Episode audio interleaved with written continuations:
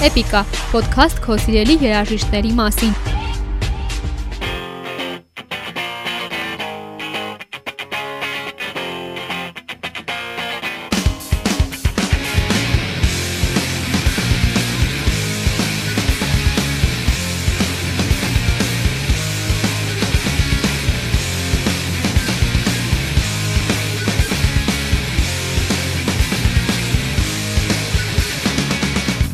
Nirvana-ն երաժշտական պատմության մեջ եղած ամենաազդեցիկ ու հսկայական բենդերից է։ 1987 թվականին Սիեթլում ձևավորված այս խումբը կարելի է ասել միայնակ կարողացավ ալտերնատիվ ժանրի երաժշտությունը մեյնսթրիմ դարձնել իր երկրորդ ամբողջական ալբոմով Nevermind-ով։ Բայց ովքեր էին Nirvana-ի անդամները, ինչու էր խումբը կոչվում Nirvana, ինչ նշանակություն ունի նրանց հանրահայտ լոգոն։ Այս հարցերի պատասխաններն արի միասին գտնենք Էպիկայի այս էպիզոդում։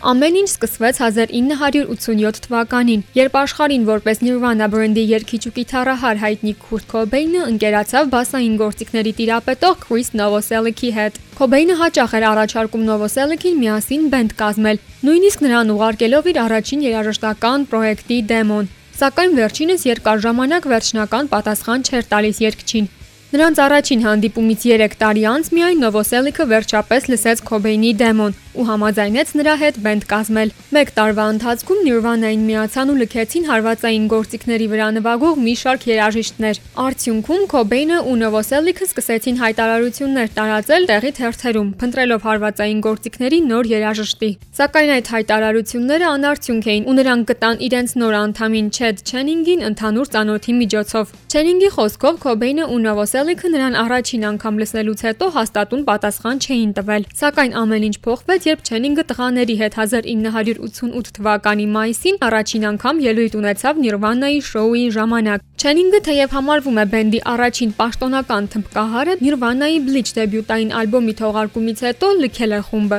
քանի որ նրան թույլ չէին տալիս մասնակցել բենդի երգերի ստեղծմանը։ Cobain-ին ու Novoselic-ին թվում էր, որ հարվածային գործիքների վրա նվագող թիմակցի, այսպես ասած, պաշտոնը անիծված է, սակայն շուտով նրանց միացավ Dave Grohl-ը, որն էլ խմբի հետ մնաց դրա գոյության ողջ ընթացքում։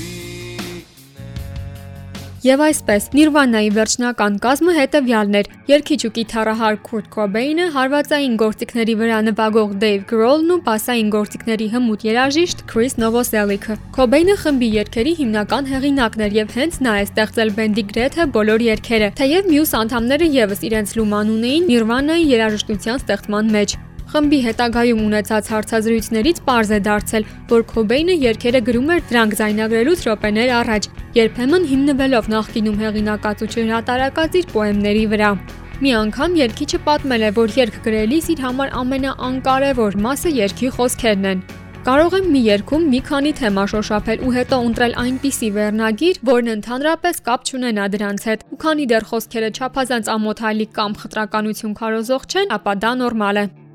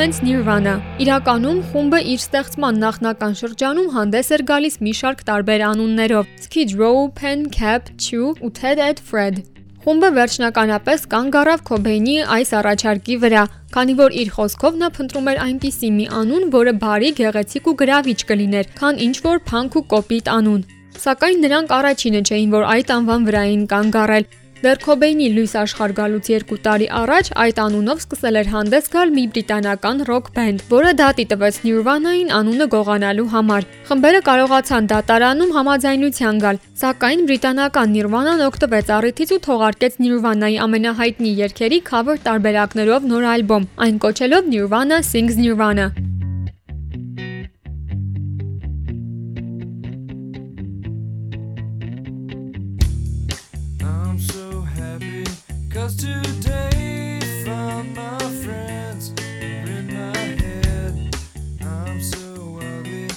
That's okay.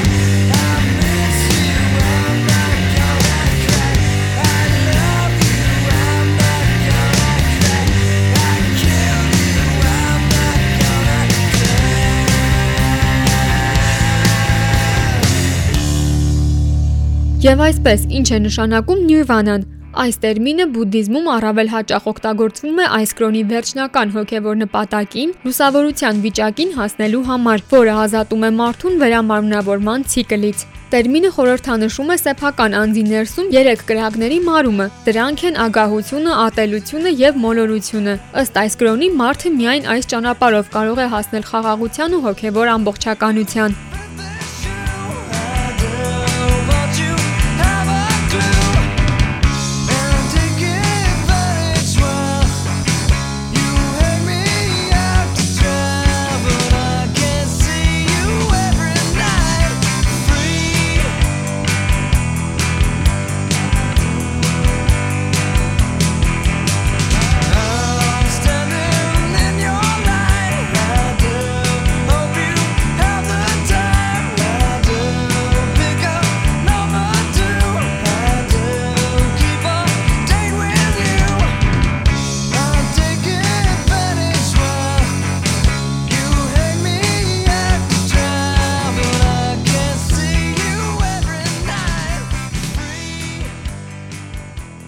Տեղին դեմք, խաչաձև աչքեր ու անհարթ ժպիտ։ Սա Նիրվանայի ողջ պատմության ամենաայկոնիկ ու մշտական պատկերն է, որը զարդարել է հագուստներ, մագնիսներ, կախազարդեր, մատանիներ ու գրեթե ամեն ինչ։ Ըստ տարածված լեգենդի այս դեմքը նկարել է հենց Քոբեյնը 1991 թվականին Nevermind ալբոմի թողարկմանն ընթരാճ տարածված ֆլայերի վրա։ Ասում են երգիչը ոգեշնչվել է դրան նման մի պատկերից, որը տեսել է Սիեթլի մի գիշերային ակումբի գովազդային պաստառի վրա։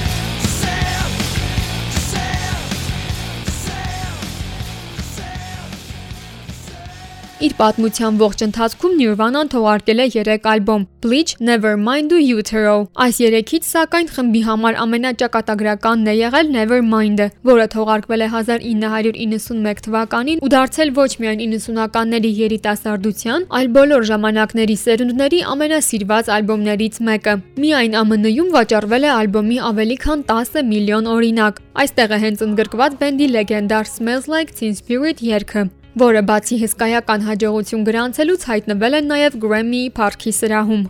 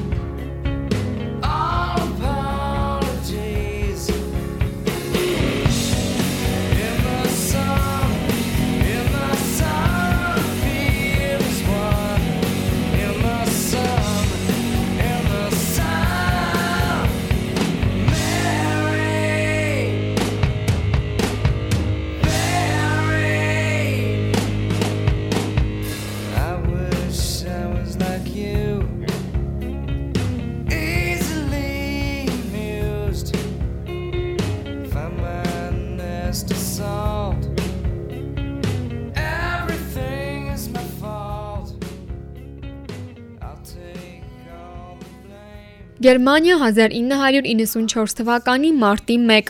Սա էր Nirvana-ի վերջին համերգային ելույթը իր երաժշտական շրջագայության շրջանակներում։ Կիսատ մնացած շրջագայության պատճառն էր Քուրտ Քոբեյնի առողջական խնդիրը՝ կախվածությունը դեղահաբերներից, հերոինից ու ալկոհոլից։ Նույն թվականի մարտի 4-ին Քոբեյնի կինը նրան անգիտակից գտել է հյուրանոցի իր համարում, որից հետո նրան համոզել են կախվածությունը բուժելու համար որոշ ժամանակ անցկացնել վերականգնողական կենտրոնում։ Քոբեյնը այդ ժամանակ համաձայնել էր, թեև այդ ընթացքում իր հարաբերությունները շրջապատող մարդկանց հետ կտրականապես վատացել էին։ Վերականգնողական կենտրոն գնալուց մեկ շաբաթ անց Քոբեյնն առանց որևէ մեկին տեղյակ պահելու լքել էր կենտրոնը, վերադառնալով Սիեթլ։ 1994 թվականի ապրիլի 8-ին Քոբեյնի դին գտել են իր տանը գլխի մասում հրազենային վնասվածքով։ Երկիչը ինքնասպանություն էր գործել ու նրա դին բացահայտվել էր մահվանից միայն 4 օր անց։ Մինչ այսօր երաժշտի մահվան շուրջ շատ պատմություններ ու տեսակետներ են պտտվում։ Առաջին հետաքրքրական պատմությունն այն է, որ հրացանի վրա, որով Քոբեյնը կրակել է ինքն իրեն, ոչ մի մատնահետք չի գտնվել։ Նրա օրգանիզմում թմրանյութի մեծ չափաբաժին է եղել, այնքան մեծ, որ բժիշկները կարծում էին, որ այդքան թմրանյութ օգտագործած մարդը կամ տեղում անգիտակցությունը կկորցներ կամ կմահանար եւ չերել հասցնի կրակել ինքն իրեն։ Թունագիտությամբ զբաղվող մի կանադացի Ռոջեր Լյուիսը ժամանակին պնդում էր, որ հավանական է, որ Քոբեյնին դիտմամբ թմրանյութ են ներարկել, այնուհետև կրակել նրա վրա ինքնասպանություն բեմադրելով։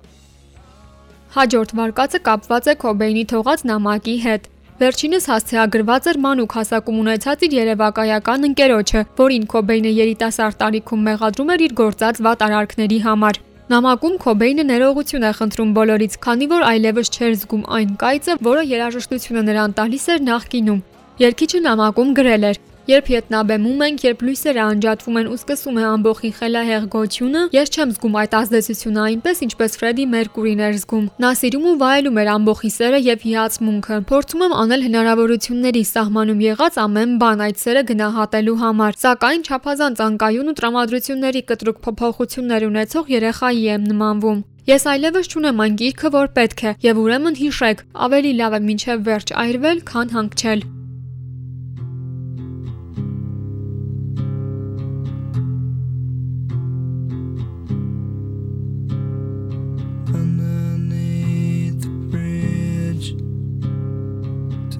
was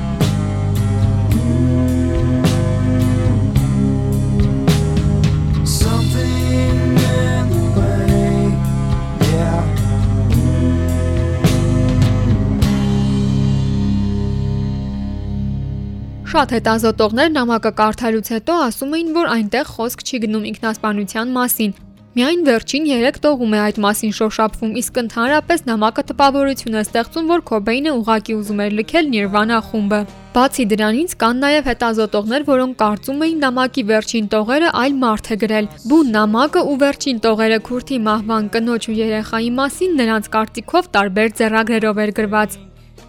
Քոբեյնին մահացած գտել են ապրիլի 8-ին, սակայն տարածված տեղեկության համաձայն նա մահացել էր ապրիլի 5-ին։ Ուրեմն մի փոքր տարօրինակ է նաև փաստը, որ ապրիլի 6-ին նրա բանկային քարտը օգտագործվել է։ Քարտից գումար է փոխանցվել այդ օրը, սակայն ոմանք կարծում էին, որ փոխանցումը արվել է մինչ նրա մահը, եւ քաղվածքում ուղակի ուշացումով է հայտնվել։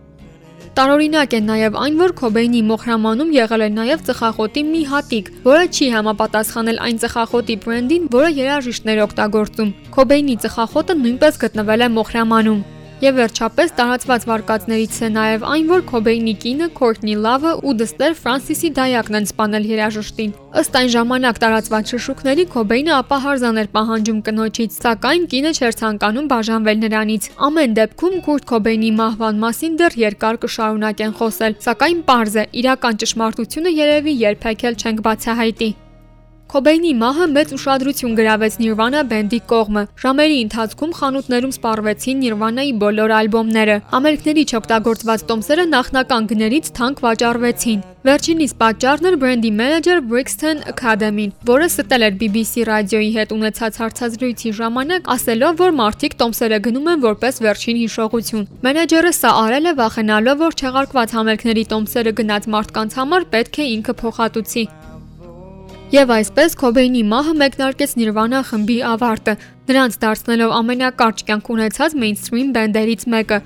Այդուհանդերձ, մինչ օրս Nirvana-ն համարվում է բոլոր ժամանակների ամենաշատ վաճառքներ գրանցած բենդերից մեկը։ Թեև ընդամենը 3 տարի է հասցրել գործունեություն ծավալել երաժշտասերների հսկայական բանակի աչքի առաջ։ Այդ 3 տարիների ընթացքում բենդը հասցրել է ստանալ Grammy եւ ամերիկյան երաժշտական մրցանակաբաշխության մրցանակներ, հայտնվել Billboard-ի մի շարք չարթերի առաջատար հորիզոնականներում ու օգնել երաժշտական բարձր ճաշակ ձևավորել եւ օգնել երաժշտական բարձր ճաշակ ձևավորել այդ ժամանակների ու հետագա սերունդների երիտասարդության մոտ։